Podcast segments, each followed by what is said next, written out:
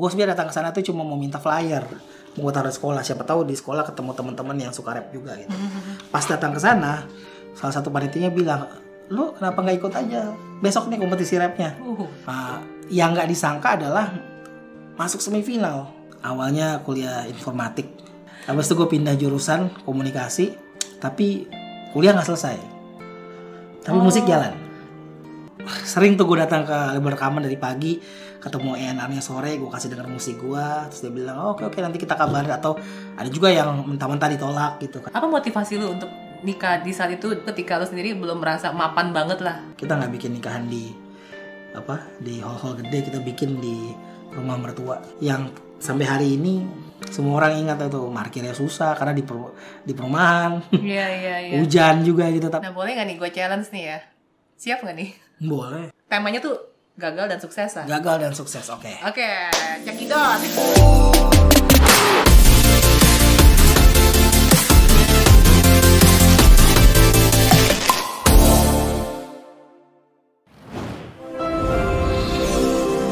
Video ini dipersembahkan oleh 101red.com. Jualan online tanpa ribet. Halo semuanya, kembali lagi jumpa di channelnya Christina.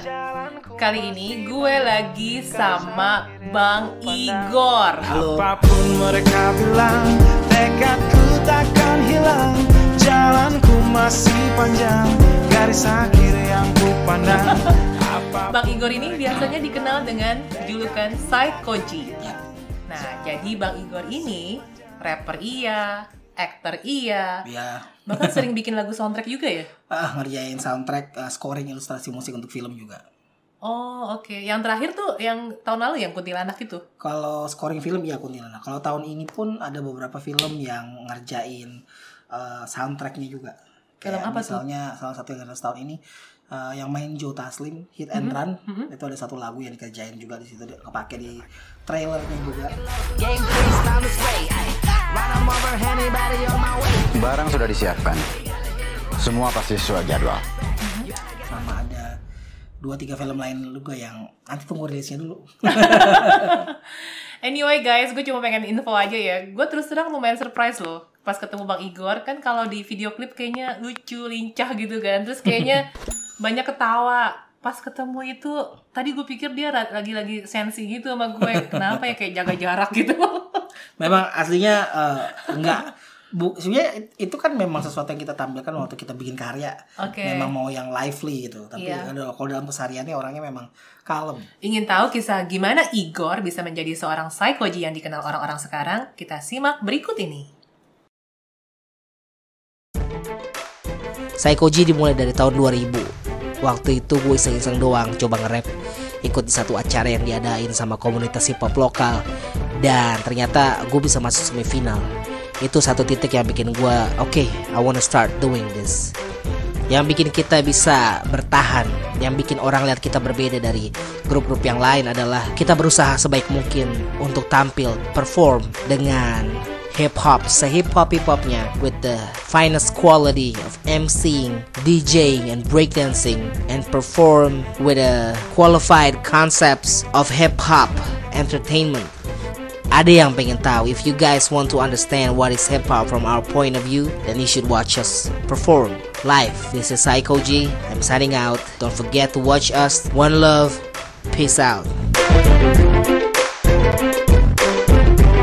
dia tuh serius Eh, kadang-kadang kan dia kan suka bikin lagu yang kocak ya cuman jadi orang nyangkanya dia tuh kayaknya lucu dan eh, bisa diajak bercanda padahal tuh sebenarnya enggak dia tuh orangnya tuh serius banget dan em, ya orangnya lurus. Like bener-bener lurus. Nggak nggak macem-macem deh. Jadi gue bisa percaya dia gitu. dan he's a family man yang eh, sayang keluarga sayang anak. Dan dari pernikahan kita tuh selama 14 tahun itu eh, yang yang paling gue inget dari Igor tuh gimana dia sayang sama gue gimana dia support mimpi-mimpi gue gitu. Jadi nggak nggak cuman dia pengen dia doang yang sukses gitu tapi dia pengen gue juga sukses gitu. Keluarganya juga sukses anak-anaknya juga sukses gimana dia gimana pun caranya supaya dia support kita semua em, berhasil di mimpi-mimpi kita.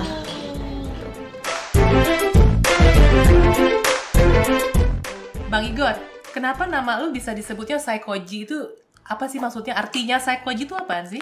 Psychoji. Oke, em, jadi di awal-awal pengen jadi seorang rapper, biasanya orang tahu kalau dalam dunia nyata kita punya nama asli nih. Tapi nama panggung itu perlu. Jadi Oke. orang mencari nama panggung. Mi- Misalnya, orang tahu Eminem. Iya. Eminem itu nama aslinya dia itu Marshall Mathers. Mm-mm. M dan M. Mm-mm. Ada juga rapper uh, Jay-Z, J I Y J strip Z. Nah, Iya.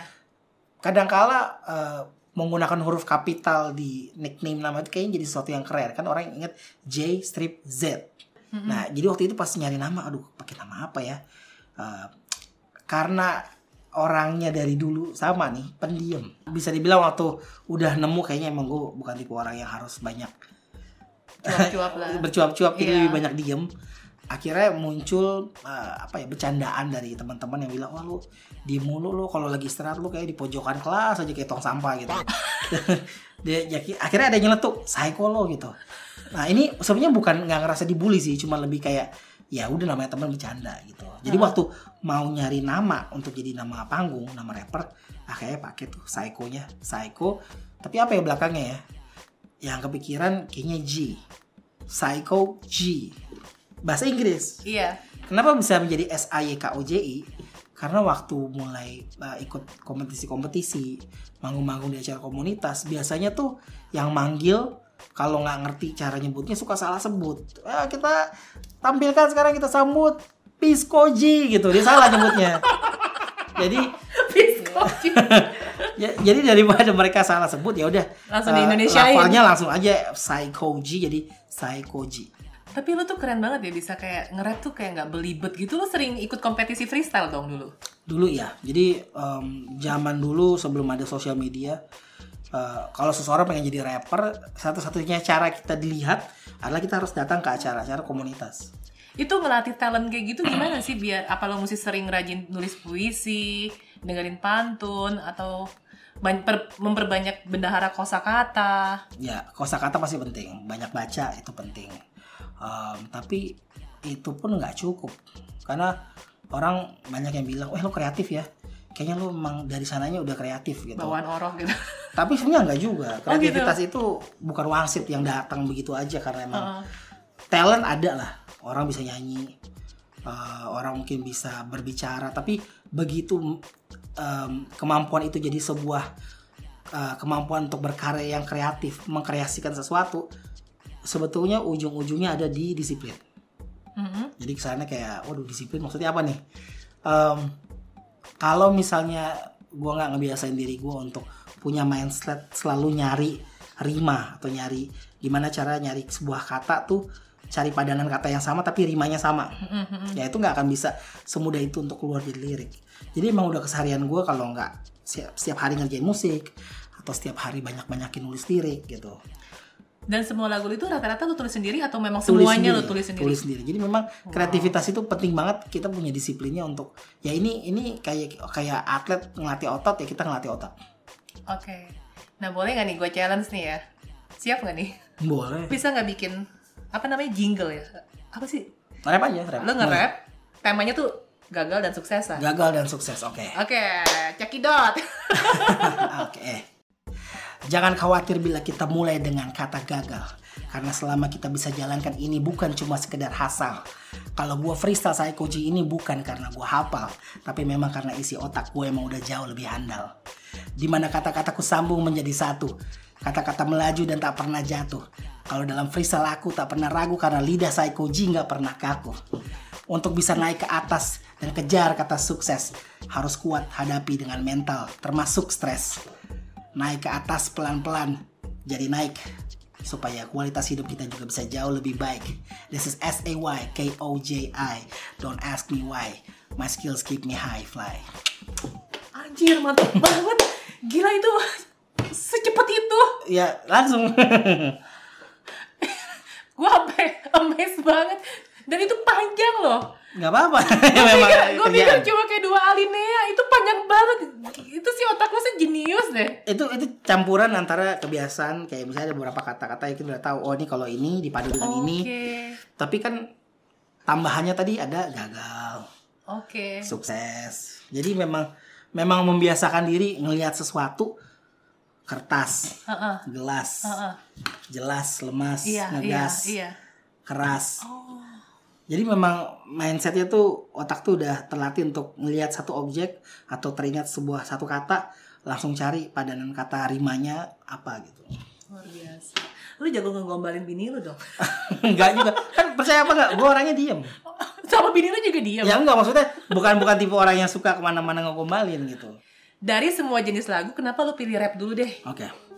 Karena tadi dibilang gue orangnya pendiam, introvert. Memang bukannya tidak mau bergaul, tapi memang nggak ngerasa serak ada di tempat keramaian di mana semua orang kayak, weh gitu yuk, look at me, nggak bukan kayak gitu orangnya. Oke. Eh, tapi waktu gue ngelihat em, musik rap itu seperti apa, gue sadar bahwa kebanyakan rapper ini mereka itu sangat confident Mm-mm. mereka punya confidence yang luar biasa waktu mereka nge-rap baik itu di video klip maupun di atas panggung jadi gue banyak suka dengerin eh, lagu-lagu rap dan gue pelajarin bahwa oh ternyata mereka tuh nggak cuma nyerocos tapi di balik itu semua ada estetikanya gitu kayak storytelling tapi belakangnya sama semua nih kayak pantun Iya, iya. nah proses mempelajari rap itu yang ngebantu dari orang yang tadinya nggak banyak ngomong atau mungkin nggak punya kemampuan berkomunikasi jadinya ditulis dulu kan kalau rapper kan kita nulis lirik dulu dulunya Iya, iya. kalau sekarang bisa langsung freestyle tapi kalau dulu ditulis dulu dihafalin dulu Diapalin dulu. terus iya. dipikir nanti di panggung mau ngomong apa nah itu yang pelan-pelan ngebantu supaya eh, kemampuan yang tadinya nggak bisa banyak ngomong ini jadi bisa ngomong nah awalnya dimulai dari situ Em, tapi itu kan baru suka aja baru nyoba-nyoba belum pernah bener-bener dipikir gimana ya kalau misalnya manggung beneran nge-rap beneran SMA kelas 3 tahun 2000 gue datang ke acara komunitas komunitas hip hop Indo mereka bikin festival rap ya gue sebenarnya datang ke sana tuh cuma mau minta flyer mau taruh di sekolah. Siapa tahu di sekolah ketemu teman-teman yang suka rap juga gitu. Pas datang ke sana salah satu panitianya bilang lu kenapa nggak ikut aja? Besok nih kompetisi rapnya. Uh, jadi kayak semi ditantang gitu dipinjemin kaset nah nggak tahu nih anak sekarang ngerti nggak kaset itu apa dipinjemin kaset untuk? kaset isinya instrumental rap Oh, kayak bunyi backgroundnya lah. musiknya aja. Kalau zaman dulu tuh ya belum internet belum kayak sekarang gitu. Iya, Jadi iya, kalau iya, orang iya. punya nyari instrumental rap itu berharga banget. Jadi kalau dipinjemin tuh wah sayang banget nih kalau nggak dicoba. Jadinya pulang nulis lirik rap besoknya ikut. Nah, yang nggak disangka adalah masuk semifinal. Nggak juara, nggak juara satu, tapi untuk masuk semifinal aja itu ngeliat kayak oh di sini ternyata gue diterima. Tapi lu dalam sehari itu bisa langsung nulis, ngafal. Karena memang sebelumnya udah banyak dengerin lagu. Oh, oke. Heeh, jadi begitu dalam sehari ngapalin, besok juga sebenarnya kalau dipikir-pikir performance-nya manggungnya biasa aja gitu. Alah. Lah beneran, ada videonya di YouTube, ada yang Oke. ini yang mendokumentasikan masih kurus.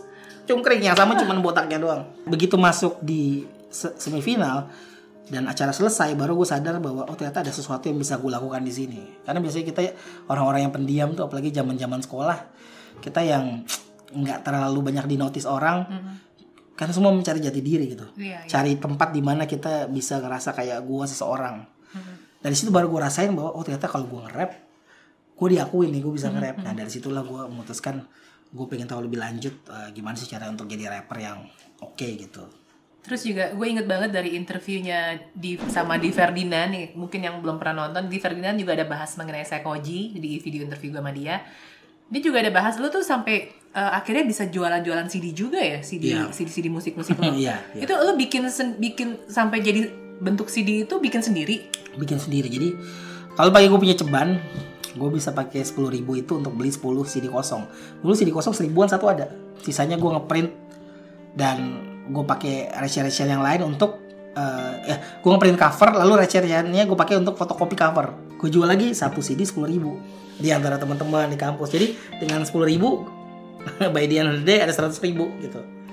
Bisa bikin lagi untuk selanjutnya gitu. Jadi memang gue ngerasa gue pengen orang denger karya gue Tapi jujur aja ya kalau kita cari lagi CD itu, kalau siapa pun yang masih punya dengerin, gue juga pasti malu kayak eh, lagu gue gini amat gitu zaman dulu.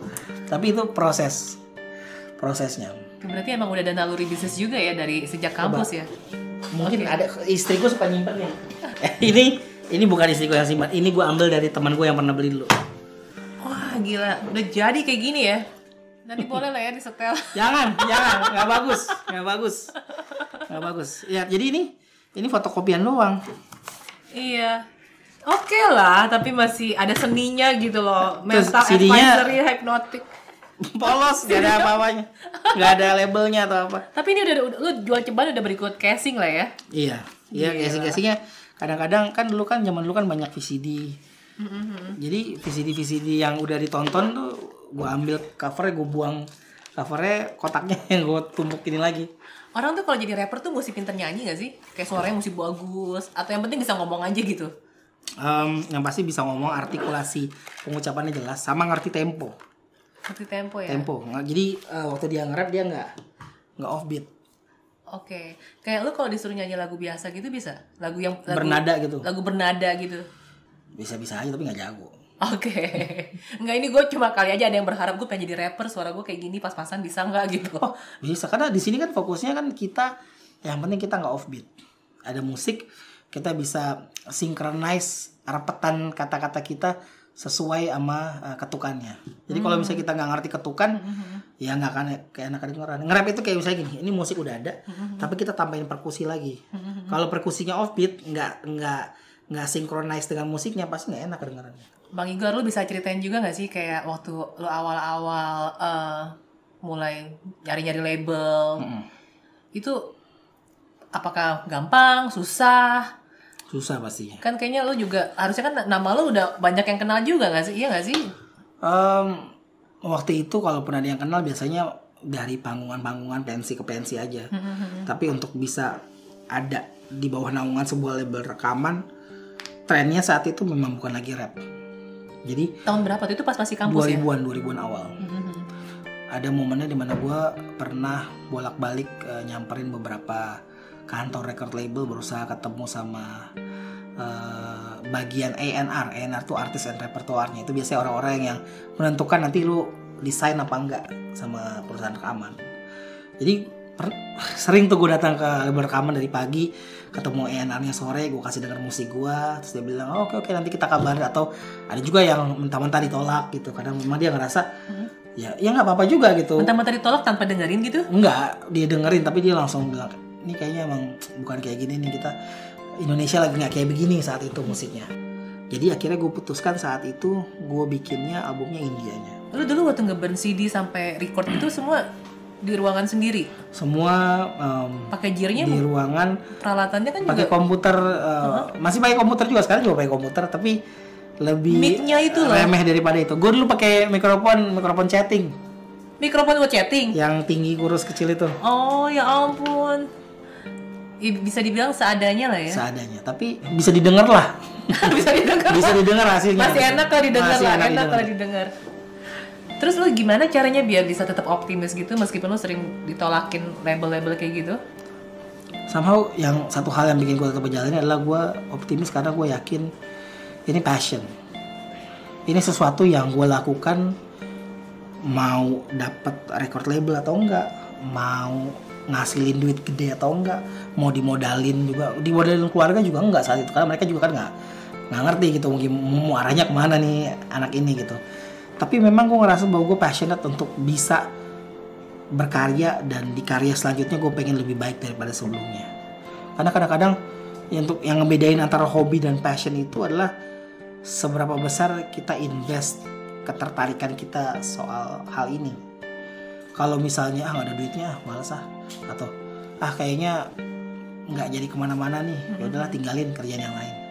Tapi nggak tahu sama buat gue gue seneng banget bisa menyampaikan ekspresi gue lewat lirik lewat musik dan gimana caranya mau ada duit atau enggak saat itu gue tetap pengen mengerjakan ini. Gue tetap pengen momennya akan sampai orang akan bilang bahwa wah gue tahu nih saya Koji nih Igor nih ngerti rap itu seperti apa. Mau ada orang yang nah, apa modalin atau enggak mau dibantuin bikin musik atau enggak pokoknya ini luar dalam atas bawah depan belakangnya gue mesti ngerti ini rap ini seperti apa Terus waktu itu juga waktu lu asik-asik aja. Lu dikuliahinnya kul- kuliah jurusan apa waktu itu? Hmm, awalnya kuliah informatik Oh, informatik komputer nih. Eh, tapi gue gue suka juga komputer Oke, oke. dan ngebantu banget untuk sebagai orang yang Iya.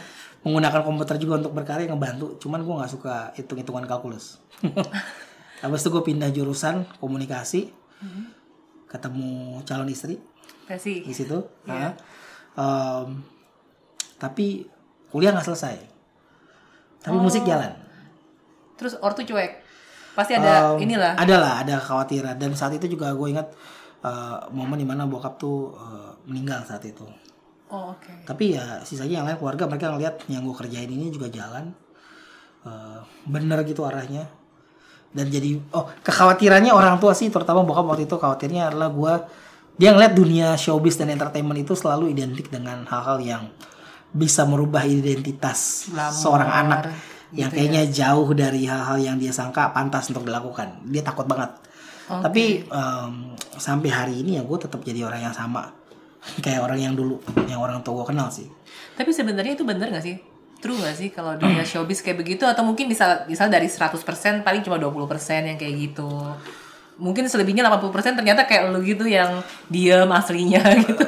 in a way sebetulnya semua orang tetap berusaha menjadi dirinya sendiri sih Oke. kalau semua kembali ke keputusannya mereka mau melakukan ini untuk apa kalau gue fokus utamanya gue memang pengen berkarya karena gue pengen em, suara gue didengar ide-ide gue didengar hal-hal yang gue lihat yang gue refleks- refleksikan jadi lagu didengar.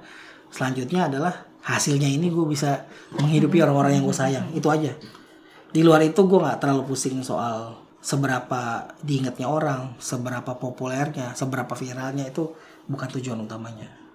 Di Ferdinand juga waktu itu sempat mention ya, yang paling hebat itu katanya dukungan. Ya. Dukungannya paling gila sih dari cewek itu ya. itu gue beruntung karena dia dari awal udah bilang sama gue bahwa dia nggak suka musik rap. Tapi somehow dia percaya dengan ngelihat kegigihan gue dengan ngelihat passion gue bahwa suatu saat gue akan jadi seseorang gitu di bidang ini. Dan ya terbukti bahwa jadi akhirnya begitu ini semua udah jalan dan gue mulai menghasilkan uh, mulai bisa menghidupi ya gue tahu juga ujung-ujungnya ini nggak ke mana-mana ke orang-orang yang gue sayang juga. Lu waktu itu ketemu Tesi di maksudnya akhirnya nikahnya setelah berapa tahun? Setelah berapa tahun pacaran? kita menikah um, 2005 Ketemu 2000-an. 2002an eh 2001 setengah tiga setengah tahun pacaran Itu kondisi lu udah udah, udah mapan lah ya? mulai Udah menghasilkan mau menghasilkan. bilang mapan nggak juga sih kita nggak bikin nikahan di apa di hall-hall gede kita bikin di rumah mertua bukan bukan yang pernikahan pernikahan gede yang kecil-kecilan aja tapi yang sampai hari ini semua orang ingat itu parkirnya susah karena di per- di perumahan Iya, iya, iya. hujan juga gitu tapi apa ya Apa motivasi lu untuk nikah di saat itu ketika lu sendiri belum merasa mapan banget lah? karena gue ngerasa ya gue udah buat gue pernikahan itu bukan nunggu semua klub mapan kita cocoknya nggak pernah ada masalah nggak pernah berantem atau duitnya udah banyak dulu Dari ortu Tesi Instead- juga kasih nggak? ya dia juga ya kayak gue ngeliat orang gue membuktikan ke orang tuanya bahwa gue juga belum sampai gimana gimana banget tapi gue serius nih sama anak lu. Dan bukan soal seberapa banyak yang gue punya sekarang tapi lu bisa lihat bahwa dari awal kita pacaran sekarang kita ada di titik ini. Kalau kita tetap keep kolaborasi ini suami istri saling melengkapi ntar liatin aja berapa tahun ke depan kita bisa jauh lebih lagi. Karena sekali lagi di sini soal keputusan soal nanti ke depan belakangnya ada berantem ada gesekan ya itu udah pasti ada lah. Tapi kan eh, kalau menurut gue a man needs to make a decision eh, ambil keputusan lu menentukan bukan nyari yang mana yang klop yang mana yang cocok doang. Karena sampai berapa tahun menikah pun lu akan selalu nemuin ketidakcocokan dengan pasangan lu. Tapi yang bisa lu lakukan adalah you make that decision and then don't try to fix things dengan cari yang lain tapi fix what you have Nah kalau yang yang masih berpikiran tapi gue duitnya belum ada apa segala macam itu kayak gimana menurut lo? Atau belum mapan da- dalam segi financial ya, bukan Ya. dari segi udah klop hati gitu? duit akan datang sendiri kalau misalnya kita udah siap untuk menerima duit menurut Nah, bener banget. karena kalau kita ngelihatnya kayak gua harus punya duitnya dulu bisa-bisa lo nggak akan ngerasa lo dapat duit yang sesuai sama lo gitu. Menurut gue uang tuh datang kalau lo udah siap untuk menerima. Kalau misalnya lo belum siap menerima, lo tiba-tiba besok dapat uang 100 m sehari juga habis bisa. Bener. Tapi hari ini lo dapat sejuta lima ratus ribu. Kalau lo punya kesiapan mental yang cocok untuk handle 500 ribu itu, mungkin dalam seminggu bisa jadi 5 juta, bisa jadi 50 juta. Jadi menurut gua, gua nggak bilang semua orang eh nyemplung aja nggak ada duit nggak juga gitu. lo mesti bijak juga meng- menggunakan eh, apa namanya apa yang ada di tangan lo. Tapi yang paling penting adalah mengambil keputusan dan dan stick with your plan. Gitu. Have a plan. Nah sekarang lo sendiri juga sebagai pemusik ya, pemusik rap. Misalnya kalau misalnya kalau ada orang yang cita-citanya jadi rapper nih. Ya, oh, oke oke. Rapper itu bisa sampai ke mana sih gitu? Revenue-nya bisa dari kalau YouTuber kan bisa atau nanti dapat endorse Ya. atau apalah kayak gitu. Kalau yang ya, what works for me awalnya memang gue cuman nge-rap aja. Tapi berkat gue sempat ada pengalaman di mana lagu rap yang gue bikin eh, dipakai sama eh, telco provider. Jadi gue sempat punya pengalaman dengan agency-agency yang perlu musik, perlu jingle gue jadi ngerti gitu. It goes beyond gue dan pembuktian gue sebagai seorang rapper. Menurut gue rapper itu lu kan storyteller lu menceritakan sesuatu, lu merefleksikan apa yang lu lihat baik di itu di kehidupan lu atau kehidupan sehari-hari, lalu lu kemas itu jadi lirik tapi dalam bentuk berpantun yang catchy. Itu kepake banget kalau misalnya lu suatu saat mau mengembangkan diri lu ngerjain jingle. Nggak semuanya harus gue yang ngerjain, gue bisa aja kolaborasi sama orang ngerjain musik, orang lain yang nyanyi, tapi konsep writingnya itu udah biasa gue asah waktu gue nyari gimana caranya gue nyari padanan lirik yang catchy dan itu sampai hari ini yang ngebantu gue untuk eh, ngerjain hal-hal di luar musik rap. Masih musik tapi menghasilkan nggak kalah gedenya dengan nge-rap. Karena kadang-kadang kita udah nyaman kayak ah kayak gue jadi rapper aja. Terus ah kayak kalau gue belum nemu lagu yang bagus gue nggak mau ngerjain yang lain ntar aja nunggu momen lagi. Lo akan ketinggalan momen karena everything change. Tren selalu berubah tapi di tren yang selalu berubah ini akan selalu ada kesempatan lain di mana siapa tahu di tengah-tengah hal-hal yang bisa lo lakukan ini ada satu hal yang bisa lo selipin bisa jadi gua nggak bilang sampingan atau side hustle tapi bisa jadi sesuatu yang lo kerjakan yang juga menghasilkan juga gitu. Nggak cuma jago bikin lagunya tapi juga ngerti gimana membawa diri lo di atas panggung. Itu juga yang bikin gua sampai hari ini weekends pasti ada aja eh, undangan eh, untuk manggung di mana-mana. Dan itu juga yang yang nggak sedikit gitu maksudnya Iya, iya. tetap tetap Malah manggung lo yang bingung mau nolakin yang mana gitu. penting karena balik lagi gini jadi rapper itu kadangkala orang cuma ngeliat bahwa wih keren ya dia nge-rap di atas panggung pakai baju gombrong perhiasan udah kayak toko emas gitu tapi kalau lu manggung lu nggak jelas ngomongnya apa Iya. lo nggak bisa on time lo nggak bisa apa ya lu cuma tahu bikin rame fans lo. Tapi waktu lu manggung di depan orang-orang yang nggak ngerti musik lo lo nggak bisa ngebawa pembawaan diri yang baik orang juga akan kayak aduh pakai lagi nggak ya? Tapi waktu lu selalu bisa deliver performance yang oke manggung yang asik suara lo jelas pembawaan lo di atas panggung lo on time lo nggak aneh-aneh nggak minta macem-macem nggak bikin ribet panitia. Begitu selesai lo juga tahu menghormati panitia nggak mungkin lo nggak dicari lagi. Nah, lu sendiri juga eh, yang lagu lu yang pertama yang ngehits itu yang sowat gitu lo kan ya. Iya. Itu di tahun 2006. Iya so what gitu loh Jadi bokap lo kaya Itu lagu lu yang keberapa yang yang lu bikin yang akhirnya ngehit atau emang lu pas pertama kali offering ke label emang lagu itu duluan enggak? sebelum itu ada beberapa lagu lain tuh tadi di album yang tadi tuh yang bukan suat gitu loh yang Iya. kalau gue dengerin juga gue malu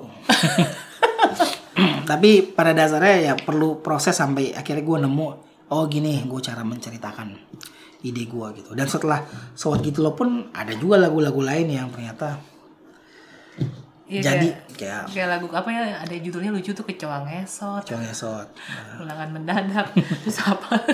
ada online Online. nah itu ada ceritanya lagi tuh Coba coba ceritain ceritain. Jadi waktu itu gue masih di uh, record label yang sama yang gue rilis uh, lagu on uh, Sawat gitu loh Iya. tahun 2008.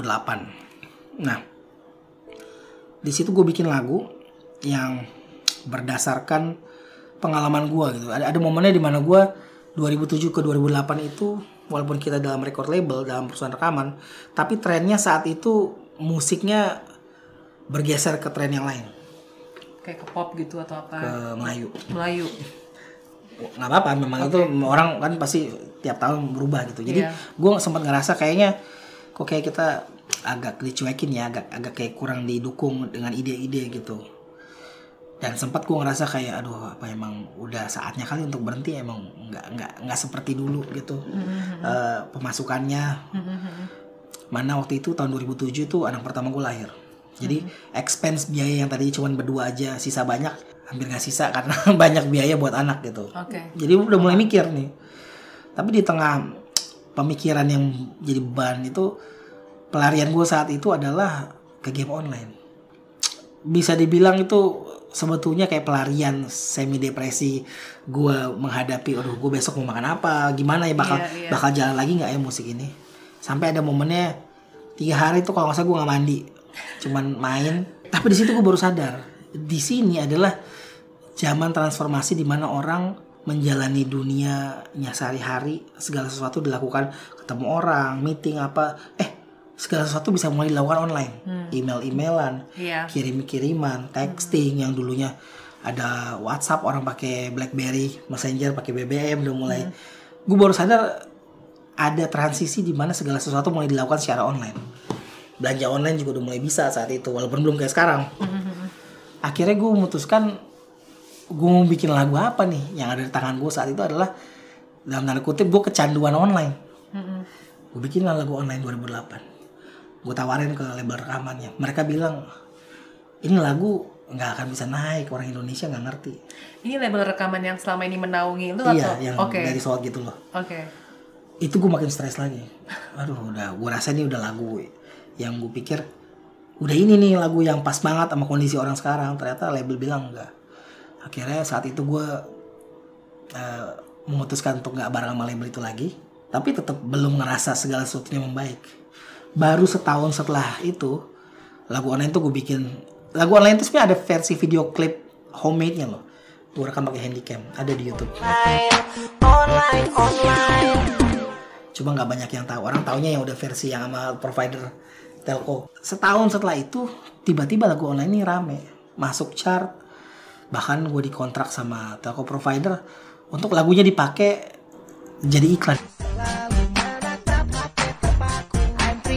baru tahu ternyata nilai sebuah lagu kalau udah officially dipakai itu gede banget Itu gede banget boleh tau nggak? Kayak ratusan juta kan? Iya.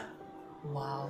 ratusan juta as in eh, Tahun segitulah 2000 gue inget banget waktu itu sampai 400-an 450 2009 2009. tuh gue akhirnya pertama kali beli mobil sendiri cash dan dan dan apa eh, sampai hari ini rate gue kalau misalnya gue ngerjain jingle kalau ketemu agency yang kerja sama sama sebuah company masih di range ratusan Itu untuk jingle berapa lama? Berapa menit? 2 menit, 3 menit? tergantung kebutuhannya sih kadang-kadang mereka kan nggak pengen panjang-panjang banget juga Keren ya. salah satu yang kalau misalnya setahun lalu lo sempet buka YouTube dan lihat iklan gua kerjain apa gue nyanyi untuk company namanya siapne.com Iya. Iya, itu gue lihat. itu juga ya gua nggak bisa karena itu masih fresh gua nggak bisa bilang angkanya tapi Itu selalu bilang- mengganggu YouTube gua. gua bisa bilang gua bisa bilang itu eh, deal yang top banget dan tahun ini diperpanjang lagi Itu catchy Bang. banget sih. Keren banget. selain itu juga gue kerja sama sama eh, apa Garena Garena itu yang bikin game Free Fire. Solo 50 orang battle royale. Tahun lalu juga gue bikin lagu eh, kerja sama sama mereka. Eh, tahun ini juga gue barusan bikin cuman karena memang em, belum apa ya belum di jalan diaktifin banget gue bikin lagu buat Gojek tapi lebih untuk aktivasi sosialisasi Gojek di Indonesia Timur. Lu sendiri kapan nanti bakal bikin lagu lagi yang buat single album kayak gitu? Nah itu yang yang yang gue suka dari em, dari posisi gue sekarang. Dengan gue ngerjain lagu-lagu yang nggak melulu untuk gue sendiri atau ngerjain scoring film, gue nggak harus kejar setoran untuk karya gue sendiri. Gue masih berkarya, masih bikin lagu, tapi nggak nggak nggak dipatokin dengan bahwa oh dengan lagu begini ini harus rame ini harus viral ini harus jualan gue masih bikin lagu dan sering gue upload ke YouTube cuman gue nggak terlalu pusing mau jadinya seperti apa bikin aja karena memang gue suka Anak lo sendiri belakangan udah mulai yang paling gede ya? Iya. Udah kayak mulai sering kelihatan tuh mulai ikutan nge-rap. Nah, Iya. itu lagi hobi atau Oh. emang lu arahin ke sana? Atau kalau ibarat cita-cita dia jadi rapper, lu kasih? gue kasih kalau dia udah siap cuman saat Oke. ini dia sekarang udah SMP dan apa ya, interestnya dia itu lagi menjajaki bareng sama teman-temannya yang baru nih di kelas kelas 7 katanya kalau SMP sekarang ya bisa dibilang waktu itu memang dia interest dan gue dukung gue support ya udah gue pikir kenapa nggak kita bikin sesuatu yang bareng aja yang nunjukin keseharian kita tapi lewat lagu Hey dad, can you help me? What? I got a problem. Lupa kalau ada Okay, PR. son, kalem. Sini papa. Tapi kalau mau dibilang bahwa dia sekarang jadi rapper nggak juga. Gue lebih pengen dia jalanin aja dulu. Waktu itu memang dia mau. Kalau sekarang gue paksa bikin lagu dan dia nggak mau, yang ngapain? Biar aja dia jalanin Oke. kehidupannya yang yang apa ya, yang yang normal seperti anak-anak lainnya gitu, nongkrong sama temen-temennya. Apa kalau misalnya dia suatu saat mau lagi nge-rap, ya bapaknya siap untuk dukung dengan segala sesuatu yang dia perlukan. Tapi saat ini gue pengen itu tetap natural aja. Kan ada yang bilang katanya industri musik sedikit merosot nih. Ada nggak sih ide usaha buat pemusik juga? Mungkin buat beberapa orang kan gue ngertinya selama ini cuma bisa bikin musik. Terus gue mesti ngapain nih kalau lagi sepi job kayak gitu? sekarang banyak orang yang bisa berkarya dan kita punya platform untuk ngelihat oh kita bikin lagu biar orang lihat taruh di mana taruh di sosial media Iya. bikin karya untuk ada di sosial media everything yang ada di situ kita bisa edit supaya terlihat sebagus mungkin suara bisa kita benerin rekaman kalau kurang kita bisa ambil sepotong-sepotong kita bisa bi- mixing mastering supaya semuanya terdengar bagus tapi kalau gua berkarya sebelum zaman internet dan teknologi mendukung seperti sekarang, it all comes back ke live performance kita. Kita bisa bikin lagu sebagus mungkin kita permak untuk jadi konten. Tapi by the end of the day, menurut gua orang tetap ngerasa um, lekat memorinya dan pengen banget ngelihat kita lagi waktu mereka juga relate ngelihat kita performance live seperti apa. Lo bisa aja bikin lagu yang rame banget tapi kalau misalnya lo manggung lo yang melempem menurut gua susah juga gitu untuk diingat. Jadinya lo diingatnya karya kontennya doang. Iya, iya. itu itu itu yang menurut gue yang akan bisa ngebedain antara ka- ka- karena gini ada hari-hari ini juga banyak orang yang mungkin mereka bukan kesehariannya jadi rapper tapi karena memang dibantu dengan teknologi dengan orang yang, yang bisa ngeproduksi lagu rap makin banyak tiba-tiba bikin kontennya dia nge-rap. Padahal kesehariannya dia nggak nge-rap. Which is yang menurut gue nggak apa-apa. Mm, silahkan aja berkarya. Cuman kan jadinya teman-teman gue yang memang rapper mikir ngapain lagi kita jadi rapper? Yang bukan rapper bisa viral. Gue tetap apa ya ngasih saran buat teman-teman yang memang passionate untuk rap lu jangan lihat cuma viralnya aja karena di balik itu semua viral hari ini bisa diganti sama viral besok hari Betul. tapi kalau memang lo passionate dengan rap dan lo bisa deliver nggak cuman karya konten taruh di YouTube lo bisa juga manggung lo bisa apa ya komunikasi dengan crowd lo bisa bikin performance lo diingat nggak mungkin lo nggak akan dapat gig manggung nggak mungkin lo akan nggak akan diingat lebih daripada cuman karya selewat di YouTube Nah, boleh nggak lo kayak kasih pointer-pointernya biar lo sendiri dari sekian banyak musisi biar orang tuh kalau inget rapper inget lo gitu. ya ya, ya. Coba. kalau gue sih yang pasti um, you have to be excellent in what you're passionate about Oke. jadi bukan bukan cuman sekedar bilang eh gue rapper ingat gue atau eh gue rapper nih gue bikin sensasi supaya orang ingat gue kalau dari gue yang what works untuk seorang psychoji adalah diingat karena excellence gue sebagai seorang rapper kemampuan gue untuk nulis lirik eh, nyari padanan kata yang rimanya asik gitu yang orang bisa nangkap atau kayak tadi disuruh freestyle on the spot bisa gitu. Jadi di kalau gue memilih untuk diingat karena kualitas gue karena excellence yang gue punya. Karena dengan begitu orang akan tahu bahwa ini orang dia benar-benar ambil waktu takes time untuk ngerti apa yang dia kerjakan luar dalam. Kalau misalnya ada orang-orang yang menggunakan uh, sensasi atau bikin drama memang supaya diingat clickbait nggak bisa dipungkiri bahwa itu memang sesuatu yang terjadi hari-hari ini. Karena kadang-kadang netizen haus Haus drama. haus drama. Ya menurut gue sah-sah aja kalau memang itu uh, bagian dari rencana lo supaya tetap diingat. Tapi kalau kalau gue ngelihat ya sesuatu yang cuma dikejar memang karena viralnya it comes and go. Tapi kalau lu diingat karena kualitas lo karena aftertaste-nya yang orang rasain gitu bekerja sama dengan lo lihat karya lo dan setelah nggak rame lagi pun tapi mereka masih diingat baik lagi kalau itu yang gue kejar jangan cuma sekedar ngejar viralnya atau ramenya aja tapi ngejar kualitas dari diri lo itu seperti apa supaya yang orang ingat bukan sensasi lo tapi kualitasnya lo gitu Tapi lo sendiri juga ada kayak menjaga rutinitas untuk selalu Social posting media. di sosial media gak sih? Gue pakai sosial media juga kok. Tapi balik lagi yang paling banyak gue taruh di sosial media gue kalau nggak jadwal manggung atau keseharian gue tapi gue tampilin karya-karya atau hal-hal iseng yang gue bikin. Kayak gue nge-rap freestyle atau gue lagi bikin lagu gue posting. Jadi orang tetap akan bisa ngeliat bahwa saya gue tetap berkarya. Gue tetap bikin sesuatu. Terus ngomong-ngomong juga di dunia media sosial seperti sekarang yang segala sesuatu bisa dengan gampangnya dijiplak apa misalnya lo lagi nge-youtube nih lagi bikin ref lagu atau lagi bikin lirik lagu atau belum juga lo tayangin udah ada yang jiplak. Itu pernah nggak kayak gitu? Pernah sih gue bikin lagu ada orang lain dari negara lain yang dia pakai lirik lagunya untuk dibikin jadi lagunya dia. Dan itu lagu lo belum launch? Apa udah launch juga? Udah udah launch tapi di tempatnya dia mungkin nggak banyak yang tahu. Eh, kalau menurut gue saat itu gue nggak ngelihatnya dengan marah tapi gue pikir kayak gue bikin karya lagi untuk address masalah itu. Sampai akhirnya jadinya ada satu lagu yang orang ingat dari Saikoji waktu itu Saikoji bikin lagu judulnya Copy My Style. You copy my style, you copy again, apa Oh, iya iya iya Jadi instead of marah-marah kan kreativitas gue kan ada di dalam nulis lirik. Ya udah gue tulis lagi aja lirik yang ngebahas soal masalah itu. terus lo nggak kepikiran go internasional? Maksudnya kayak melanglang buana mungkin secara uh, rewardnya lebih bagus gitu loh. Gue senang banget ngelihat Aris Brian. Lalu ada beberapa rapper-rapper lokal juga yang mereka bikin lagu rapper Indonesia Mhm. bikin lagu berbahasa Inggris dan bagus-bagus. Bagus-bagus. Pernah dengar Ramen Girl? Itu rapper lokal sepeda mereka ketemu platform yang tepat appeal mereka untuk dunia internasional lebih terbuka dibanding yang saat ini. Mungkin bisanya nge-rap bahasa Indonesia doang. Hmm. gue sangat senang sih ngeliat orang yang yang sukses berkarya apalagi berkarya di luar Indonesia sebagai rapper. Kayak ngeliat Rich Brian ya gue senang-senang aja ngeliatnya.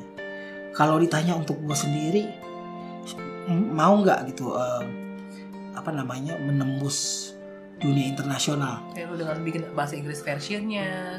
Apa ya? never. Bikin bikin bikin bahasa lagu bahasa Inggris tuh memang seru kalau misalnya kita Iya, bisa dan iya. bisa terdengar keren. Tuh, tapi gue akan jauh lebih senang dan bangga kalau misalnya gue bikin sesuatu yang berbahasa Indonesia tapi orang internasional apresiasi. Coba coba nah ini reminder, reminder buku, buku sama PR anak harus dicek. harus dicek ini juga papa dari tiga orang anak Jadi begitu biasanya reminder harian tuh. tapi keren sih segala sesuatunya di schedule ya Iya ini iya jadi jam 9 Iya, reminder Iya, kantor. iya. Walaupun kantornya di sini. Tapi tetap harus dipasang reminder supaya ingat karena kalau nggak nggak berkarya. Atau nggak nanti jadinya procrastinating atau jadinya nggak ngapa-ngapain. tapi memang itu salah satu tips yang yang bagus juga sih ketika lo bisa disiplin dengan kerjaan lo ada reminder lo janji meeting kenapa enggak juga lo masukin reminder untuk gaul sama keluarga lo. Dimasukin juga gitu loh schedule ya nah oke mungkin sekarang eh, dari rapper terus tiba-tiba lo bisa jadi acting juga bahkan masuk nominasi Pi- Piala Citra ya Ya, pemeran pria pendukung Pendukung. untuk film 5 cm. Itu lu berperan sebagai apa sih? Maksudnya sebagai sosok yang apa di situ? gue berperan jadi karakter namanya Ian yang yang udah pasti bentuknya sama kayak gue. Bisa dibilang hal-hal yang dilakukan Ian ini eh, hampir 95% tuh hal-hal yang gue ngerti yang yang pernah gue lakukan juga. Jadi gue lebih kayak memerankan orang yang gak jauh dari diri gue sendiri. Cuman gue rasa highlightnya karakter Ian di film 5 cm itu adalah eh, di antara semua teman-temannya Ian ini yang belum lulus kuliah tapi dalam dia nggak patah semangat itu dia bisa bangkit dan dia bisa apa ya akhirnya nyelesain skripsinya dan lulus mencapai cita-cita impian yang pengen dia gapai itu kenapa film itu judulnya 5 cm Terus juga yang menginspirasi lo bikin lagu Jalan Panjang itu apa? Karena memang gue sadar hidup ini bukan soal segala sesuatu yang instan. Kadangkala jalan yang panjang itu untuk sampai mencapai suatu tujuan memang kadang-kadang melelahkan. Tapi kan di situ kan apa ya eh, daya tahan kita diuji. Di situ kita diproses. Proses itu yang mendewasakan kita. Chorusnya jalan panjang itu apa pun mereka bilang tekadku takkan hilang jalanku masih panjang garis akhir yang kupandang. Jadi fokus kita bukan soal saat ini kita jatuh bangun atau rame sekarang atau sepi sekarang tapi garis akhir tujuan utama kita yang kita kejar. Jadinya segala macam kesusahan kesulitan yang ada kita bisa hadapi dan kita bisa lebih kuat untuk memutuskan untuk tidak mengeluh. Karena memang ya ini prosesnya. Sampai masalah itu kalau masalah itu masih mengganggu kita ya berarti kita memang masih diproses. Sampai masalah itu tidak mengganggu kita berarti kita sudah diproses dan siap ke level selanjutnya. Sama kayak sekarang kita berkarya, kita taruh karya kita di platform sosial media, membantu. Tapi nggak sedikit orang yang meragukan kita, yang ngejekin kita, yang nyela kita. Kita punya haters, kita punya orang-orang yang ngomongin kita di depan maupun di belakang. Gue punya satu quote yang menurut gue ini gue temukan dan ternyata dia nge-rhyme kayak kayak berpantun nge-rap tapi ini selalu berguna buat orang-orang. Lo mau sampainya dengan gaya nge-rap? Nggak usah, biar lebih jelas. Oke. Ingat aja baik-baik. Pujian itu ujian, cacian itu latihan. Itu. Pujian itu ujian. Menguji kita apa kita udah ngerasa ah kayak gue segini aja udah cukup. Cacian nggak apa-apa, cacian itu latihan supaya kita lebih kuat untuk naik ke level selanjutnya. Oke, mungkin sebagai kayak pertanyaan penutup kali ya. Filosofi lo itu apa sih yang menginspirasi lo untuk selalu bisa berkarya? Mau lagu kayak apa kayak gitu? Oke. Em, secara personal ke dalam, gue memang pengen diingat jadi orang eh, yang karya-karyanya, yang value hidupnya itu nanti kalau suatu saat anak gue ngeliat gue dia udah dewasa, gue udah nggak ada, mereka akan ingat gue sebagai seorang ayah yang memang punya value yang layak untuk mereka pegang juga, untuk membantu mereka. Tapi in general, gue mau nunjukin untuk yang lain keluar bahwa gue yang tadinya introvert pendiam malu eh, yang kalau misalnya orang bilang nih dari dulu sampai sekarang tingginya nggak ke atas tingginya ke samping. Eh, yang biasanya mungkin diragukan ditolak diremehkan eh, lu semua tuh bisa mencapai impian lo selama lo tahu jelas identitas lo tuh siapa. Makanya gue selalu bikin lagu-lagu yang mengajak orang untuk nggak cuman Woi tampilin kerennya lo, tampilin seberapa bling blingnya lo, tampilin semua stereotypical lo sebagai seorang rapper tuh seperti apa supaya diingat. Enggak, tapi gue emang bikin lagu-lagu yang ngajak orang untuk ngeliat ke dalam dirinya sendiri. Karena di situ kalau lo temuin identitas lo siapa, nantinya lo tahu lo bakal ke mana. Nah itu inti utamanya eh, karya-karya yang dibikin. Eh, kenapa gue berkarya sampai hari ini, kenapa gue melakukan ini semua, kenapa ada lagu judulnya Jalan Panjang. Pengen tahu lagunya Jalan Panjang kayak apa sih? Kita lihat cuplikannya berikut ini. Apa pun mereka bilang Tekadku takkan hilang Jalanku masih panjang Garis akhir yang ku pandang Apa pun mereka bilang Tekadku takkan hilang Jalanku masih panjang Garis akhir yang ku pandang Apa pun mereka bilang Tekadku takkan hilang Jalanku masih panjang Garis akhir yang ku pandang Dari awal pandang akhir Ku rombak takdir Kecilnya kemungkinan Ku buat kocar kacir Sejarah mulai saat ku langkahkan kaki ini Cibiran tantangan Oke Bang Igor, thank you banget ya buat Sama-sama. waktunya. Pokoknya menginspirasi banget gila. Aduh, terima kasih. Memang tujuannya berkarya eh, untuk itu kan. Apa gunanya inspirasi kalau nggak dibagi? Iya, semoga semua yang sudah nonton terinspirasi dan ingat loh, bahkan seorang introvert pun bisa menjadi seperti seorang Igor.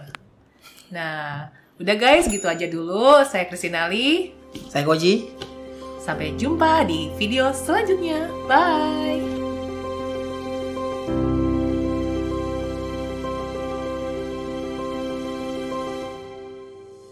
Tidaklah masalah berapa kali kita gagal.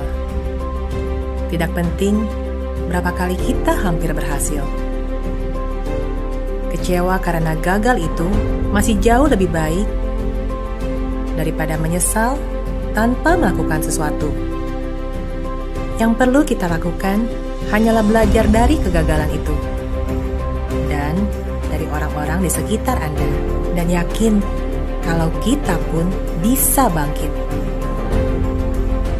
Janganlah takut dengan kegagalan, karena jalan menuju kesuksesan adalah dengan selalu mencoba setidaknya satu kali lagi. Dan ketika kita mencapainya, semua yang tidak tahu kisahmu hanya bisa berkata betapa beruntungnya Anda.